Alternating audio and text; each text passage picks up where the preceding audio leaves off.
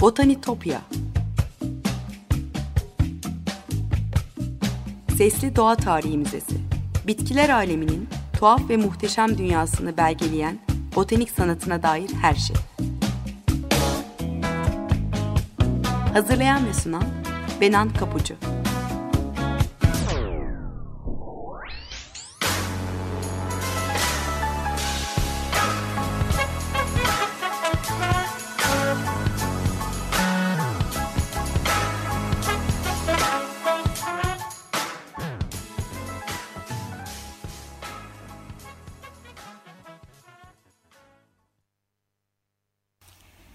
Merhaba sevgili Açık Radyo dinleyicileri.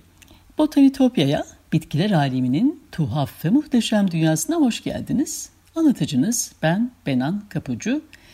Botanitopya.gmail.com elektronik posta adresi aynı adlı Twitter ve Instagram hesaplarımda var. Buradan her zaman bana ulaşabilirsiniz. Yorumlarınızı ve katkınızı paylaşabilirsiniz. E, ayrıca yayın sırasında e, anlattıklarımı, hikayelerimi e, görsellerle de destekliyorum. O yüzden Twitter adresini takipte kalırsanız çok çok mutlu olurum. Zaman zaman soranlar oluyor. Onu da buradan hatırlatmış olayım. Geçmiş programlara da, eski kayıtları da Spotify'dan ya da Açık Radyo podcastler üzerinden ulaşma şansınız var. Ee, sevgili dinleyiciler geçen hafta e, İskoç bitki ressamı Walter Fitch'i anlatmıştım e, ve Amazon nilüferini ilk çizenlerden biri olduğunu söylemiştim. Bugün e, biz de kraliçeyi ithaf edilen o mucizevi bitkiyi Victoria Amazonica'yı konuşalım diyorum. E, onun hikayesi e, botanik keşiflerin deyim yerindeyse pıtrak gibi çoğaldığı, e, Britanya İmparatorluğu'nun sınırlarının genişlediği, bilim ve teknoloji alanında büyük ilerlemeler yaşanan Viktoryen dönemde tüm bunların birbiriyle nasıl yakından bağlantılı olduğunu da gösteriyor bize. Teknolojiye de ilham vermiş bir doğa harikası gerçekten.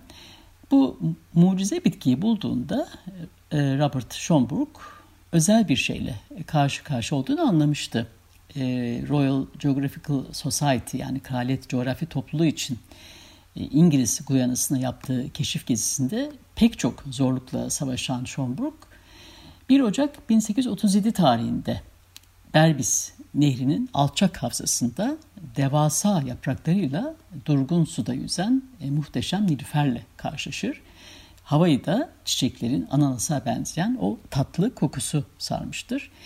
1841 ee, yılında yayınlanan bir demecinde e, dev bitkiyi ilk gördüğünde yaşadığı şaşkınlığı da anlatıyordu. Şöyle söyler, e, Berbis Nehri boyunca ilerlerken bir yandan doğanın türlü biçimlerde karşımıza çıkardığı zorluklarla mücadele ederken nehrin genişlediği ve akıntısız bir e, havza oluşturduğu bir noktaya varmıştık.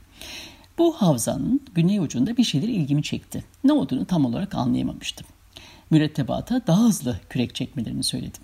Kısa bir süre sonra merakımı uyandıran o şey karşımdaydı. Mucizevi bir bitki. Yaşanan bütün felaketler unutulmuştu.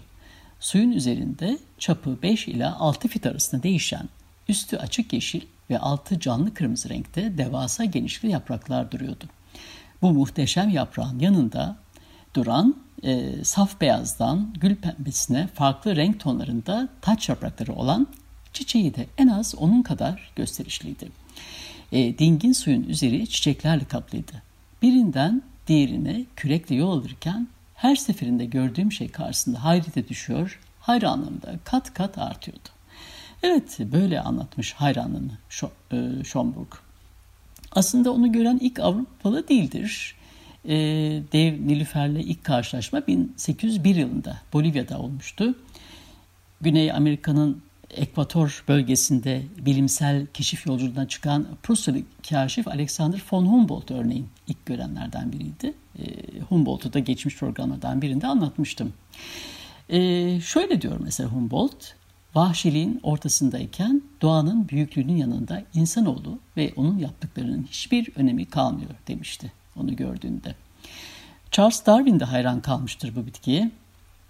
E, Brezilya'nın bitki örtüsünü anlatırken e, gördüğü o manzaraları anlatmak için kelimelerin kifayetsiz kaldığını söylüyordu.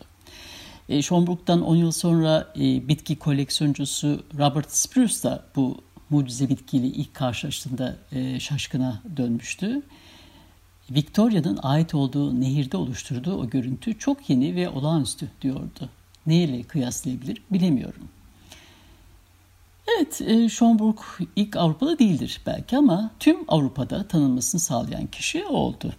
E, kayına sığabilecek büyüklükte bir yaprak, e, tuzlu su dolu e, küçük fıçıya koyduğu tohumları Guyana'dan aldığı, topladığı diğer e, 8 bin bitki ve hayvan ürünlerini birlikte İngiltere'ye gönderir.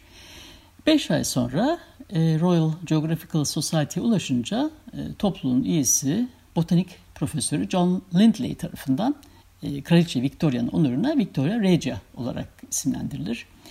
1828 yılında Amazon bölgesinde dolaşan kimi Avrupalı botanikçiler de bitki toplamış, herbaryum örneklerini Paris'e göndermişlerdi ama o zaman beklenen ilgi görmemiştir bu bitki. Yıllar sonra ise tırnak içinde bu yeniden keşif büyük bir coşku ve heyecanla karşılanır. Şöyle manşetler atılmaya başlar kimi dergilerde. Dev çiçek, yeni keşif, bir bitki harikası, bitkisel deha, en olağanüstü güzelliğe sahip, güzel kokulu ve bütün bitki krallığında o güne dek duyulmamış büyüklükte bir bitki. 1837 sonbaharında dergilerin ilk sayfalarını kaplayan bu manşetler, sloganlar ve övgüler o yılın başlarında Güney Amerika'da İngilizlerin uzak bir kolonisinde bulunmuş bu devasa nilüferin nasıl bir coşku yarattığını bize gösteriyor. E, botanik bilim çevresinin seçkin üyeleri, imparatorluğun e, yeni taç giyen kraliçesinin adını alan e, Victoria Regia bitkisiyle tanıştıktan birkaç gün sonra e, önemli yayınlarda onunla ilgili makaleler yayınlanmaya başlar. E, haftalar içinde saygın dergiler de hikayenin peşine düşüp bu mucizevi bitkiden haberler verir. E, Nilüfer'le ilgili yazılara e, halkın ve soylu çevrenin büyük ilgisi basını da şaşırtır. E, böylesine ihtişamlı bir bitkinin varlığını herkese duyurmak için e, bu raporları ya bilimsel raporları bir kez daha gündeme getirip haberleri köpürtmeye devam ederler. E, Schomburg seferden döndüğünde ilk çizimlerini de yapmıştır bitkinin. Ama onun çizimleri e, doğru bir perspektif içinde e, ölçekli olmadığı için yani bitkiyi anlatmak için yeterli değildir. E, bir iki örneği paylaşacağım sizinle Twitter'dan. E, Victoria Regia büyük bir şöhrete kavuşmuştur o dönemde orası kesin. Ama tuhaf olan şu ki bitkinin kendisi henüz yoktur ortada.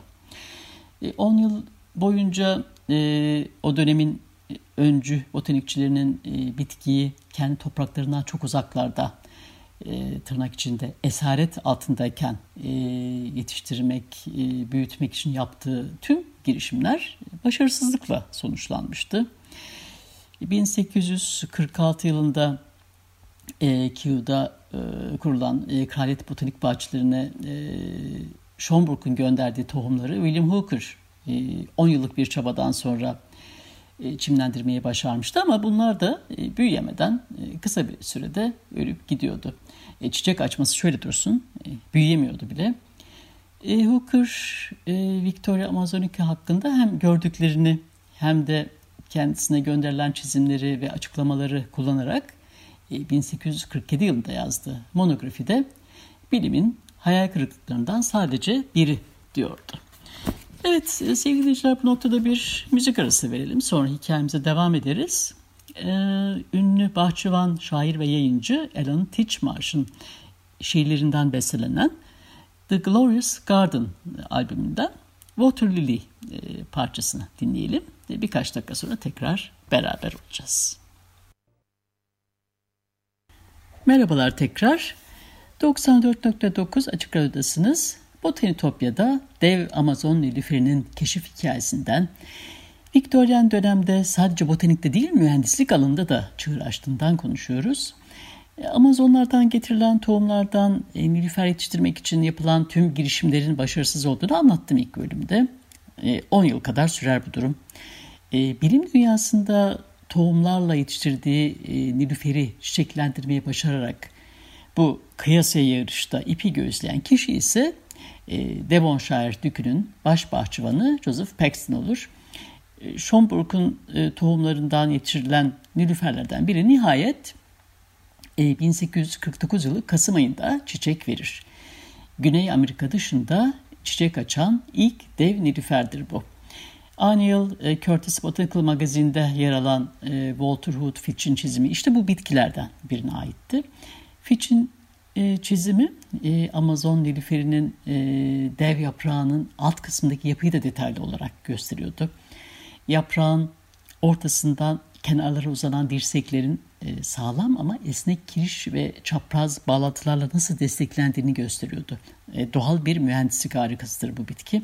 E, Fitch de bunu büyük bir ustalıkla betimleyebiliyordu. E, dev yaprağı suyun üzerinde tutan bu taşıyıcı sistem e, daha sonra Joseph Paxton'a endüstri devriminin de sembollerinden biri olacak kendi mühendislik harikasını e, yaratması için de ilham verecekti. E, Dük ve bahçıvanı Chatsworth'ü e, Britanya'nın e, önde gelen bahçecilik vitrinlerinden biri haline getirmekle kalmamış, malikanenin e, duvarlarla çevrili mutfak bahçesinin hem bitkiler hem de bahçe teknolojisi için deneysel bir merkez haline getirmiş. E, aynı zamanda e, çok yetenekli bahçıvanlardan oluşan bir ekip de kurmuştu. 1836'da sırf bu iş için 2800 metrekarelik dünyanın en büyük sarısı Grid Stove inşa edilmişti. bitkinin büyümesini ve çiçeklenmesini nasıl sağlamıştı ona dönelim. E, kendi doğasında günde 15 santim büyüyen ve e, sıcak ortama ihtiyaç duyan bu bitki için uygun koşulları hazırlaması gerektiğini biliyordu e, Paxton. E, Chatsworth'te e, bu Devonshire mülkünde bu doğal şartları simüle edecek ısınma tanklarının olduğu özel bir sera inşa etmeye başlar. Isınma e, tankları 5 araba dolusu toprak, Paxton'ın e, kendi özel tarifi olan turba ve balçık karışımı seranın ortasına yığılır. E, suyu ısıtmak için e, seranın tabanından 3 sıra kurşun boru geçirilir e, ve bir köşeye nehir şartlarının mümkün olduğunca e, simüle eden ve su, su sirkülasyonu sağlayan bir pompa kurulur. Bu yöntem işe yarar. E, bir süre sonra e, Hooker'dan aldığı fideler hızlı büyümeye başlar. E, en büyüğü bir metreden geniş olan 19 yaprak oluşur. E, ve şöyle söyler, e, bu olağanüstü büyümenin yağışlı ve çok bulutlu hava başladığı için çok uzun sürmeyeceğinden korkuyorum diye yazar patronu Düke Paxton. Ama kötü havaya rağmen e, Chatsworth'taki en büyük yaprağın çevresi 14 fite ulaşır. Ve e, bunu gören Paxton sevinçle dün sabah muazzam bir tomurcuk ortaya çıktı ve bu akşama kadar büyük bir şeftali gibi görünmeye başladı. Öyle görünüyor ki tahmin ettiğimden 8 veya 10 gün erken açacak bu çiçek. Bu asil bitki kraliçenin adını taşıdığından sanının ekselansları ilk çiçeği majestelerine göndermek isterler. E, ilk çiçek nihayet e, 14 Kasım çarşamba günü açınca e, Paxton daha sonra Kiev'den William Hooker'a yazar. Victoria Regia şu anda Chatsworth'te tamamen çiçek açmış durumda ve tomurcuk verdiği için yeni yapraklarla birlikte iki ya da üç hafta devam edecek gibi görünüyor. Umarım gelip görürsün. Bitkilerimizin görüntüsü binlerce yıllık bir e, yolculuğa değer. E, Paxton'ın e, her yaprağın ve e, bitkideki her değişikliği tek tek e, kayda düşmüş olması e, Victoria Amazonica'nın her detayını nasıl bir titizlikle incelediğini de kanıtlıyor bize. E, bu haber e, The Gardens Chronicle'da yayınlandığında e, neredeyse tam bir sayfayı kaplar. E, hem mimari hem de bahçecilik zaferidir bu. Ve tabi aristokrasinin huzurunda gösteriler de gelir ardı sıra. Dünyanın e, farklı köşelerinde e, birçok bahçecilik ve botanik dergisinde haberler yayınlanmaya başlar. E, sonraki yılların yayınlarında yine yaprağın kaldırma gücünü ispatlayan gösterilerden, fotoğraflar, yazılar da görmeye devam ediyoruz. Bir ikisini paylaşacağım sizinle Twitter'dan. Paxton tabii bunun gösterisini de hazırlamıştır. Şöyle bir sahneyi hayal edin. İyi giyimli küçük bir grup. Ortasında büyük bir gölet bulunan bir odanın etrafına dikilmiş ciddi görünümlü bir adam e, ve 9 yaşındaki bir kızı izliyor. E, kızı yukarı kaldırıp suyun kenarına doğru savururken herkes sessizce onu izliyor. Suda yüzen yaprağın üzerindeki tahtaya yavaşça indirdiğinde kız gülümseyerek tereddütlü bir adım atıyor. e, herkesin nefesini tuttuğu e, kısa süre e, kısa süren bir sessizliğin ardından bir alkış kopuyor. Yaprak e, kalasın ve çocuğun ağırlığı altında bükülmemiş. E, bir damla su bile gelmemiştir yaprağın üzerine. 1849'da e, Kasım ayında Devonshire Dükü'nün huzurunda Chatsworth'te yaşanmış bir sahnedir bu. E, Kraliçe Victoria'nın kendisi de ilk açan e, çiçekleri görmek için buraya gelmiştir. Yaprağın üzerinde duran küçük kız da Paxton'ın kendi kızı Annie idi. E, Joseph Paxton bu gösterisinde sadece asil izleyicilerini şaşırtmakla kalmayacak, o yaprağın gücünden ilham alarak geliştirdiği yapı sistemiyle İngiliz mimarisini de dönüştürecekti.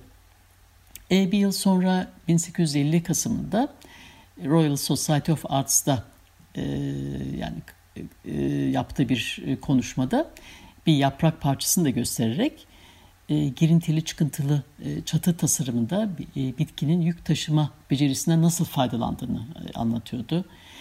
E, endüstri devriminin eserlerini sahne aldığı büyük sergi e, yani Great Exhibition'ı düzenleyen kraliyet üyeleri e, 1851'de düzenlenen e, düzenecek olan e, Birinci Dünya sergisi için e, diğer mimarların önerdiği 250 tasarımı reddetmişlerdi ama Paxton'ın e, Gridstove ve Lily House e, yani Zambak evinde uyguladığı prefabrik cam ve demir e, konstrüksiyondan oluşan yapı fikri ise hemen kabul e, edilir. E, yetiştirirken onların olağanüstü niteliklerinin de farkına varan Paxton, e, Crystal Palace'ın geniş açıklıklara izin veren ve böylece olabildiğince çok gün ışığından yararlanılmasını sağlayan cam ve demir strüktüründe e, doğal mühendislik harikası olarak nitelendirdiği e, çiçeğin alt kısmından ilham almıştı. E, unutmadan bu bitkinin yaşam döngüsünü de anlatmalıyım size. Gerçekten çok ilginç. E, dev Nilüfer'in çiçeği 48 saat süren bir mucize gibi. E, beyaz açan çiçek ilk gece termokimyasal bir reaksiyonla ısınıp koku saçıyor. E, sonra o polen yüklü dişi çiçek kokusuyla polen taşıyıcısı olan böceği kendine çektikten sonra kapanıyor ve böceği içine hapsediyor. E, burada beslenen ve ısınan e, böcek çiçeği döllemiş de oluyor. E, beyazdan pembeye, dişiden erkeğe dönen ısısıyla kokusunu yitiren çiçek ertesi akşam yeniden açılarak taze polenle kaplamış böceği serbest bırakıyor. Böcek o kokulu beyaz sıcaklığı sıcaklığın içinden uçup giderken döllenmiş çiçekte görevini yerini getirdikten sonra sessizce son kez kapanıp suyun altında kayboluveriyor. E, bununla ilgili bir video var. Onu da e, sizinle paylaşmaya çalışacağım sizinle Twitter'dan. E, böcekle su Nilüferi arasındaki simbiyotik yaşam çok eski zamanlardan beri devam ediyor olabilir. E, çünkü 90 milyon yıllık e, Microvictores ve koana fosilleri e, Victoria'nın da üyesi olduğu Nymphaceae ailesiyle sınıflandırılmış. Ee, yaşayan çiçeklerle fosillerin yapısı öyle yakın ki birbirine. Bu eski zaman çiçeklerinin de e, böceklerin yardımıyla tozlaştığı düşünülüyor. E, boyutlarından başka neredeyse bütün özellikleri aynı. E, Mikro Victoria'nın çapı yalnızca 1.6 milimetre. E, küçük e, ve kadim Mikro Victoria e, kapalı tohumlu ya da çiçek açan bitkilerin tarihine de ışık tutabilir. E, bu fosilleşmiş mucize bitkinin keşfi herhalde Schomburg'u da sevindirirdi şüphesiz. E, sevgili dinleyiciler, e, Amazon Nilüfer'in hikayesi böyle. E, Botanitopya'daki keşif yolculuğumuz da bu hafta buraya kadar olsun. Onun keşif hikayesini, doğanın bu mühendislik harikasının endüstri devriminin sembollerinden e, Crystal Palace'a nasıl ilham verdiğini konuştuk. E, size sosyal medya hesaplarımı da hatırlatmış olayım. E, Botanitopya gmail.com elektronik posta adresi. Aynı adlı Twitter ve Instagram hesaplarım da var. E, programı destekleyen görselleri bu adreslerden paylaştığım için takipte kalırsınız. Çok çok mutlu olurum. Yorumunuzu ve katkınızı da bekliyorum. E, program destekçilerime gönülden teşekkürlerimi de iletmek isterim buradan. Tekrar görüşünceye dek sevgiyle ve duayla kalın.